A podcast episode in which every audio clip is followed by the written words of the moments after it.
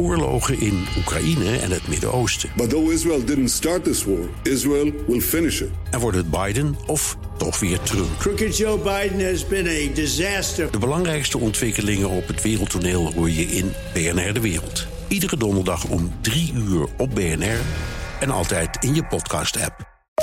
BNR Nieuwsradio. Werkverkenners. Rens de Jong. Ik weet niet hoe het met jou zit, maar als ik praat met vrienden over ons werk, dan draait het vooral om die vraag: hoe kan je nog een stapje beter, hoger, meer verantwoordelijkheid? Kortom, promotie. Want ja, zo betrap ik mezelf ook wel. Hoe steiler de carrièrecurve, hoe succesvoller wij iemand vinden in zijn of haar leven. Kijk maar eens op LinkedIn. Uh, jubelberichten over gemaakte carrière stappen. Duimpjes omhoog, felicitaties. Heel veel positieve comments. Maar ja, in al dit apenrotsgedrag is er één groot taboe. Berichten over een stapje terug, bijvoorbeeld een directeur die opeens weer verkoper wordt, zie je bijna nooit. Er wordt gewoon niet over gesproken. Want een stapje terug is in onze ogen toch degradatie, falen, uh, hokje ongeschikt. Wie degradeert, moet zwijgen. Mijn naam is Rens de Jong.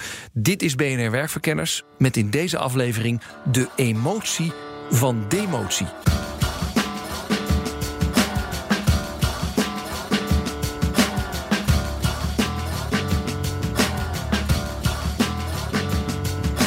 Uit het meest recente onderzoek van CBS en TNO blijkt dat 4% van alle medewerkers in 2016 te maken kreeg met demotie. En dan gaat het vooral om oudere werknemers. 55-plussers krijgen er het meeste mee te maken.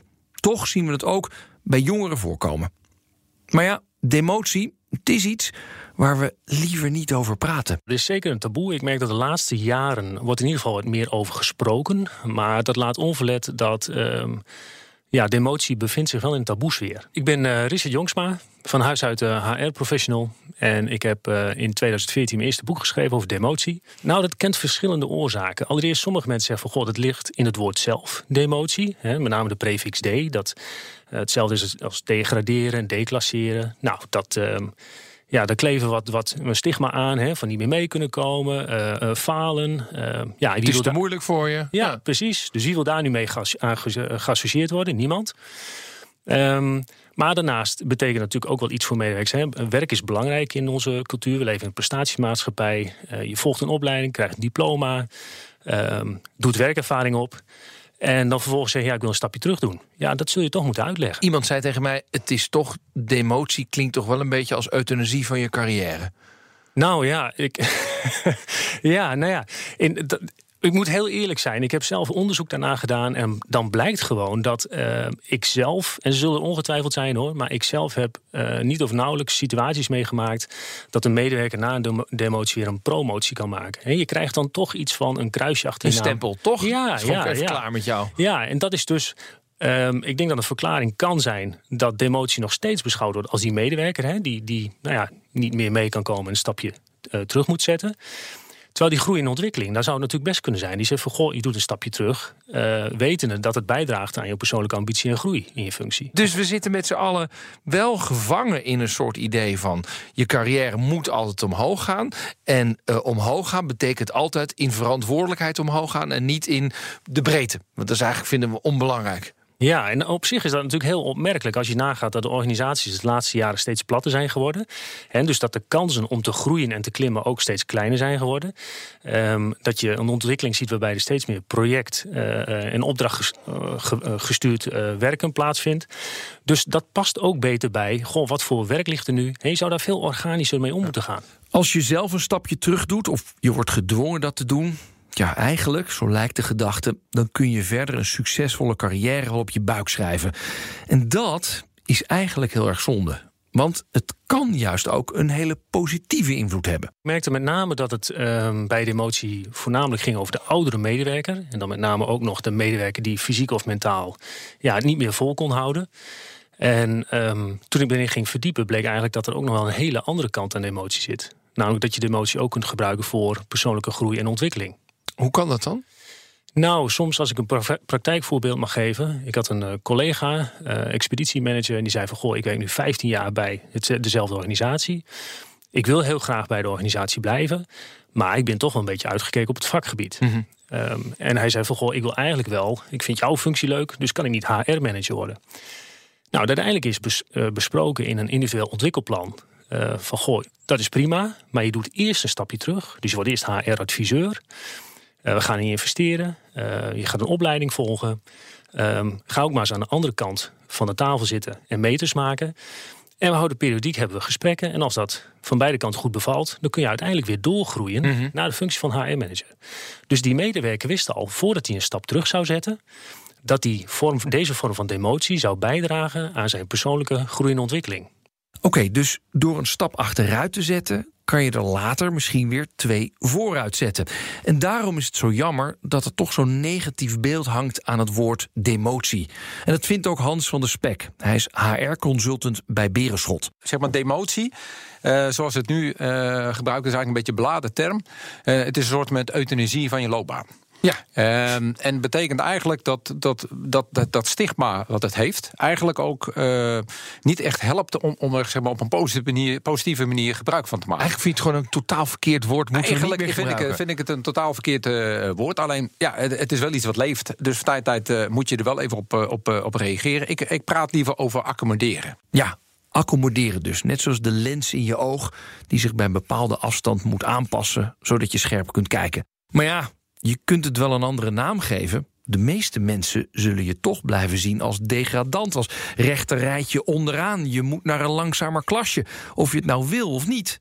Of, zoals Richard het noemt, We zijn uiteindelijk gewoon schaaldieren geworden. Hè? En, en dat is natuurlijk hartstikke achterhaald. Ja. Want, want dat is nog uit een tijd dat de ambachten een rol spelen. En dat je, dat je automatisch een stap maakte. En dat je vakvolwassen werd aan het eind van je... Hè? Je was vakvolwassen aan het eind van je schaal.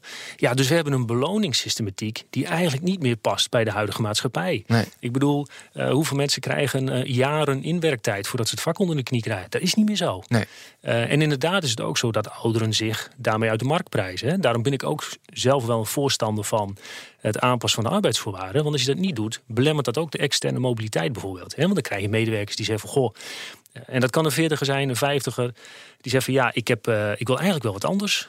Ehm, maar ja, eh, ik heb altijd mijn salaris gehouden, allemaal garantielonen. Dus als ik naar een andere werkgever ga, krijg ik het nooit weer zo goed. Dus ik blijf maar zitten. Nou, dat is natuurlijk dodelijk voor je mobiliteitsbeleid. En vroeger was het natuurlijk ook een hele dringende reden om het dat te doen. He, toen hadden we nog het, eh, qua pensioen het eindloonstelsel.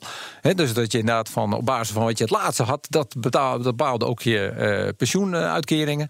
Eh, nou, daar zijn we inmiddels, of een merendeel van de organisatie is daar vanaf. Dus ook dat is het denk ik aan de orde. Ik denk dat het nu wel tijd wordt om meer ook van de woord kwaliteit van het leven te kiezen.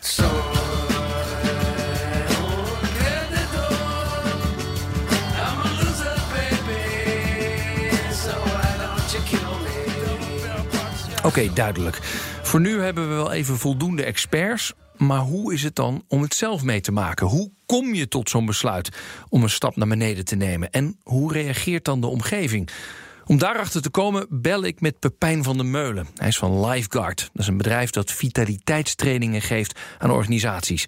Hij zag als oprichter het bedrijf hard groeien, maar merkte dat hij daarbij zichzelf verloor. in 2013. Dus al wel weer even geleden.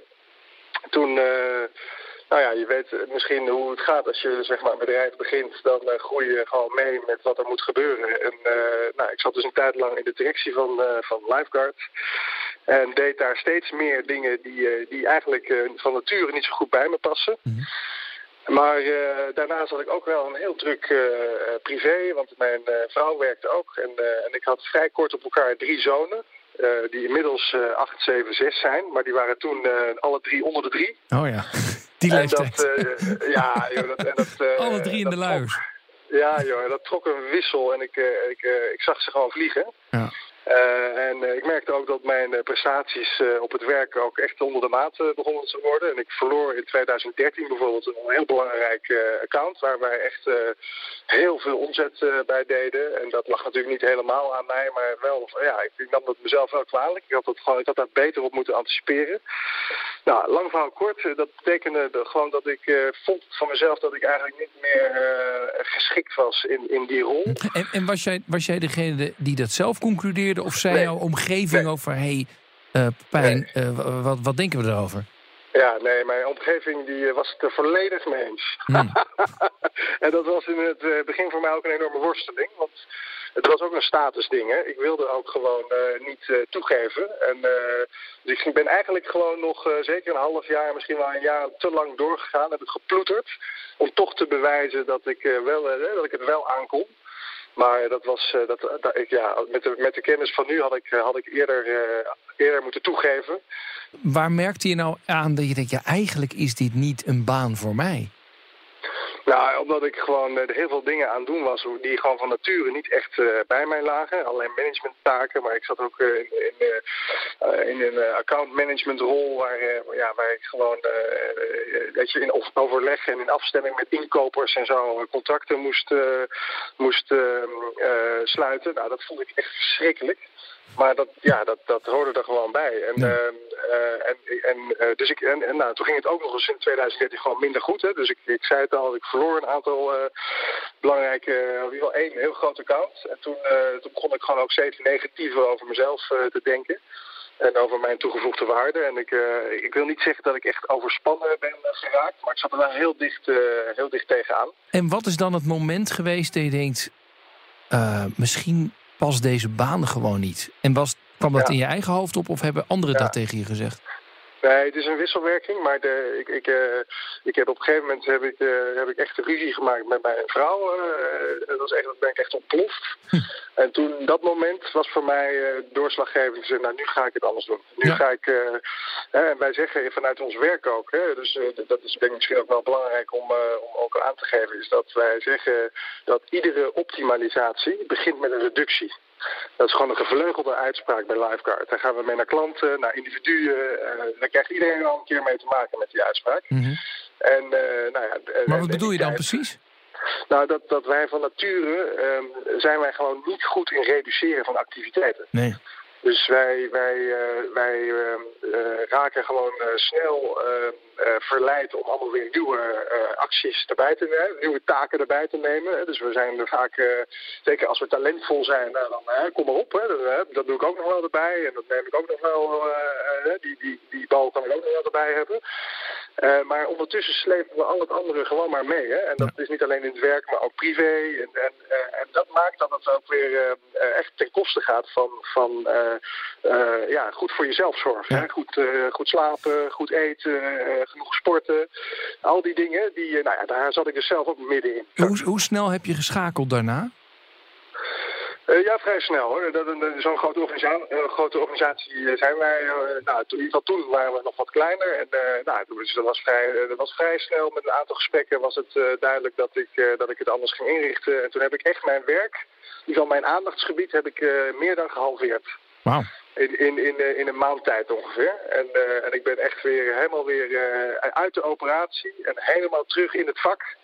Dus ik ben ook toen begonnen weer eh, echt als coach en als trainer. En ik, eh, ik heb, eh, ik heb eh, her en der ben ik wat meer me gaan richten op gewoon het echte het advieswerk.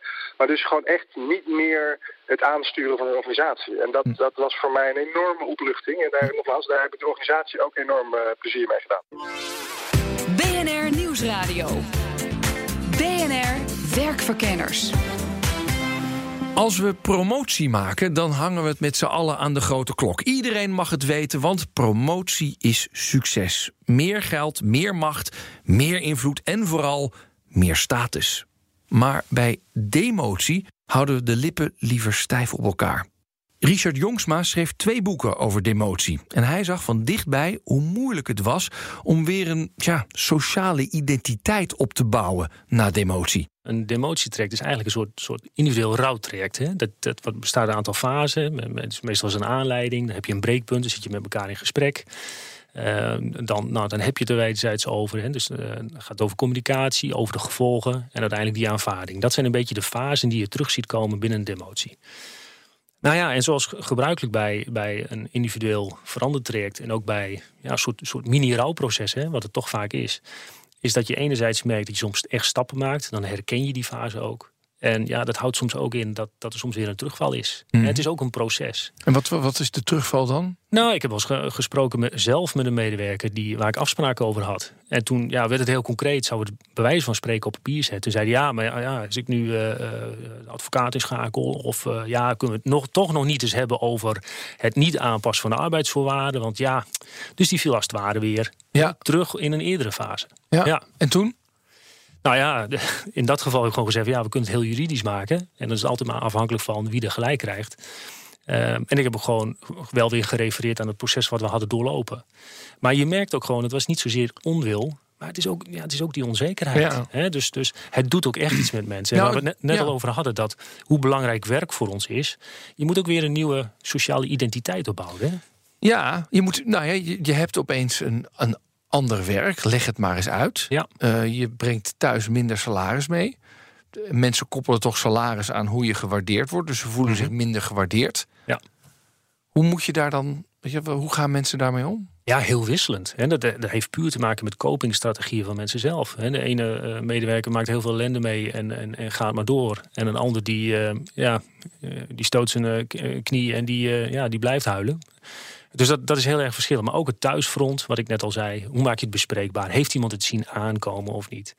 Eh, zijn de eh, gevolgen goed duidelijk? Hè? Weten mensen ook wat hun rechten en plichten zijn? Ja, demotie is niet niks. Het is een rouwproces. Je neemt afscheid van een bepaald leven, een identiteit. En zeker in Nederland, waar, of je het nou wil of niet, werk een groot gedeelte van je identiteit bepaalt.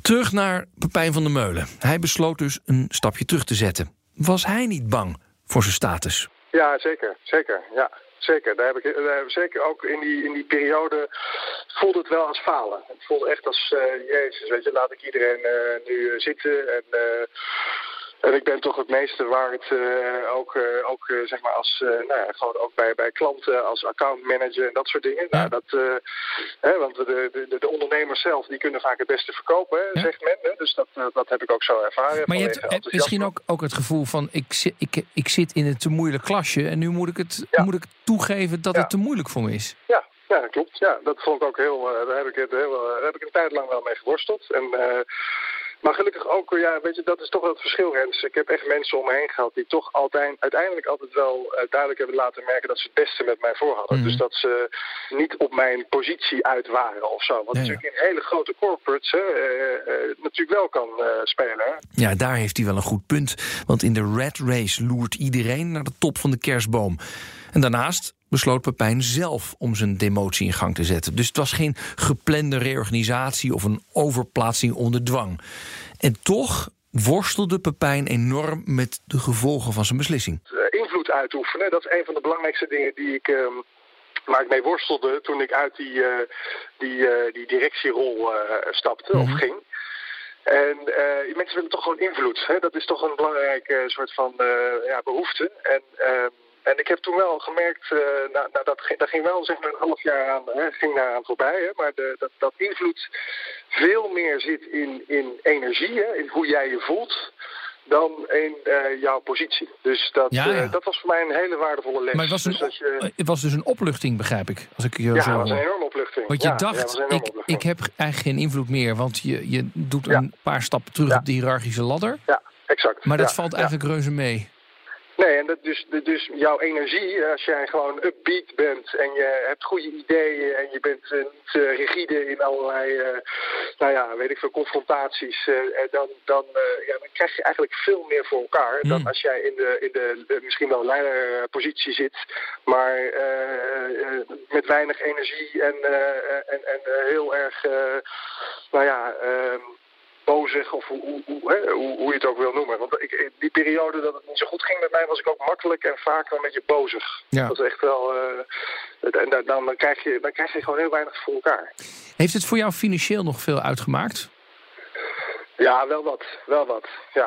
En Nou die- verdiende ik al niet. eh, ik bedoel, ik verdiende prima. En ik eh, ben, ik ben ehm, eh, eh, door die stap eh, ben ik eh, een klein beetje op achteruit gegaan. Maar niet, niet, niet eh, zeg maar dat mijn eh, inkomsten opeens eh, met een kwart minder waren. Dat Nee. niet.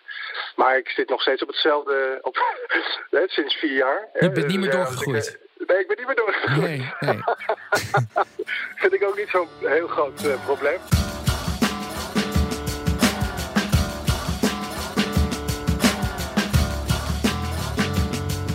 Demotie kan dus heel veel brengen, maar hoe moeten bedrijven daarmee omgaan? Hoe moeten ze omspringen met een situatie waarbij werknemers, dan wel gedwongen, dan wel uit eigen beweegredenen, een stapje terug doen? Volgens Richard is de sleutel communicatie en goede afspraken vooraf.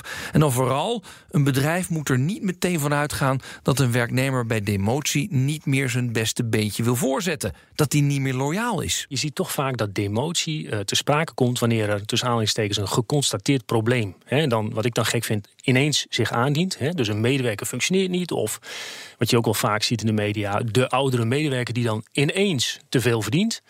Um, en ze zeggen, ja, je moet veel meer met elkaar in gesprek. Um, tijdig, waar sta je? Hè? Dus werk ook veel meer met uh, uh, levensduren per functie. Hè? Dus zeg van, joh, als je hier nou drie, vijf of zeven jaar deze functie vervult... wat wordt je volgende stap? En wat hebben we dan nu al nodig? En wat, wat verlangen we van elkaar? Um, en welke hulp en ondersteuning moeten we elkaar dan bieden om daar te komen? En dus veel meer aan die voorkant afspraken maken. Ehm, dan aan de achterkant. Dus die mhm. kwaliteit van die arbeidsverhouding met elkaar in gesprek, dat was veel belangrijker. Ik heb bijvoorbeeld uh, voor het boek ook Foppe de Haan uh, geïnterviewd. En ik zei van, goh, zit er ook een vergelijking met een voetballer en een medewerker? Hè? Want de voetballer, ik ga ervan uit dat hij elke wedstrijd 90 minuten wil spelen. Wat is hij die nu op de bank zet? En, ja, hoe hou je die gemotiveerd? En zeiden ja, aan de ene kant lijkt het op elkaar, maar het is ook wel heel erg verschillend. En dat heeft ermee te maken, hij zegt van, als een medewerker hier op de bank zit, ik praat dagelijks met die jongens. En daar zit hij al een verschil met het bedrijfsleven. Hè. Dan heb je de klassieke functioneers- en beoordelingsgesprekken. Uh, dus hij zegt, ik doe dat veel frequenter. En bij ons een stap terug. Uh, dan maken we een individueel plan met zo'n voetballer. Want vergis niet, iemand kan op de bank zitten. Maar uh, moet ook kunnen invallen tijdens zo'n wedstrijd. Hè. Dus iemand moet gemotiveerd blijven. Dus waar ik zelf achter kwam, is die kwaliteit van die, van die arbeidsverhouding. Regelmatig met elkaar in gesprek. En met name ook dat toekomstperspectief. Dat is toch wel heel erg belangrijk. Die arbeidsverhouding goed houden, daar is HR-consultant Hans van der Spek van Berenschot het helemaal mee eens. En dat kan je doen door als bedrijf een goed beleid op te stellen. Dat je van tevoren duidelijk maakt van op het moment dat het aan de orde is, onder welke voorwaarden vindt zoiets plaats. En uh, dat, dat geeft wat dat betreft al heel veel helderheid, zowel voor werkgever, hè, uh, de, de, de leidinggevende in de in discussie, als de medewerker. Ja, dat ja. ze eigenlijk van niet uit hoeven van ja, stel nu. Hoe dat, zit dat nou precies? Ja, en, eigenlijk zeg jij van uh, het, het, het gebeurt misschien niet heel veel. Maar als het gebeurt, dan kan het heel snel een rommeltje worden. Omdat mensen eigenlijk ook niet een idee hebben hoe werkt dat nou precies. Ja, en het zit, ja, en het zit denk ik ook in, in de beleving van, van het begrip. A, het is nu een beladen term. Maar B, als het heel erg onduidelijk is wat de consequenties ervan zijn, dan wordt het ook een heel erg lastig bespreekbare optie. Nog één keer terug naar ervaringsdeskundige Pepijn. Heeft hij nog tips voor mensen die een demotie overwegen? Dit is misschien een gekke tip, maar uh, de tip die, waar ik zelf veel aan heb. Uh, heb gehad, uh, maar die, uh, en die heb ik net ook al even genoemd. Maar het is belangrijk om in welke organisatie je ook actief bent uh, en ook op welk niveau maakt eigenlijk ook niet zo gek veel uit. Maar dat je je een paar keer per jaar de, de vraag stelt. Het zijn eigenlijk twee vragen. En de eerste vraag is, heeft mijn direct leidinggevende het beste met me voor? Hm?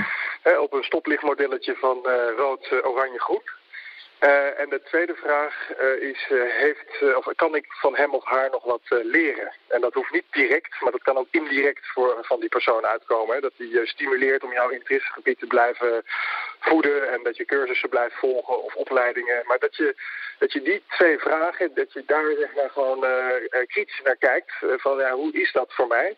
Want als jij inderdaad op, op oranje-rood ziet, op één of allebei van die stoplichtjes dan, uh, dan worden dit soort vraagstukken, waar ik dan zeg maar uh, mee, uh, zo, zo, mee worstelde in 2013, die worden heel moeilijk. Ik, ik vind wel goede vragen, maar misschien voor de situatie wat vreemd. Want ik zou denken dat je dan vragen stelt over je huidige werk en of het wel bij jou past. Maar dat zijn niet de top twee vragen die je jezelf stelt. Nee, nee dus ik, bij mij gaat er dus nog één vraag aan vooraf. Is dat je je veilig voelt. Hmm. He, dus dat je, dat je letterlijk jezelf kan zijn. Ah, ja. Uh, en als je jezelf kan zijn, dan kun je ook toegeven en je kwetsbaar opstellen dat je gewoon iets gewoon niet goed genoeg meer kan. Of dat je een bepaalde periode uh, even wat meer tijd wil uh, besteden aan je gezinsleven. zonder dat, je, dat dat meteen totaal ambitieloos wordt opgevat. Kortom, demotie kan je heel veel brengen. Als je in een veilige omgeving zit zonder haantjes die alleen maar op je baan zitten te jagen, kan een stap terug weer nieuwe energie geven voor je loopbaan. Maar demotie blijft toch een taboe. Je krijgt, of je het nou wil of niet, toch een kruisje achter je naam. En als de demotie niet vrijwillig is, dan is het helemaal moeilijk. Voor bedrijven is het daarom cruciaal dat er gedegen beleid komt, zodat medewerkers van tevoren al weten wat ze te wachten staat. En als je het nou toch overweegt, is mijn tip: praat er eens over. Met je vrienden, daarna misschien wel met je baas. Wellicht brengt het ook heel veel positieve dingen. Dit was BNR Werkverkenners. Wij zijn de volgende week weer. Dag. I'm a driver, I'm a winner. Things are gonna change, I can feel it.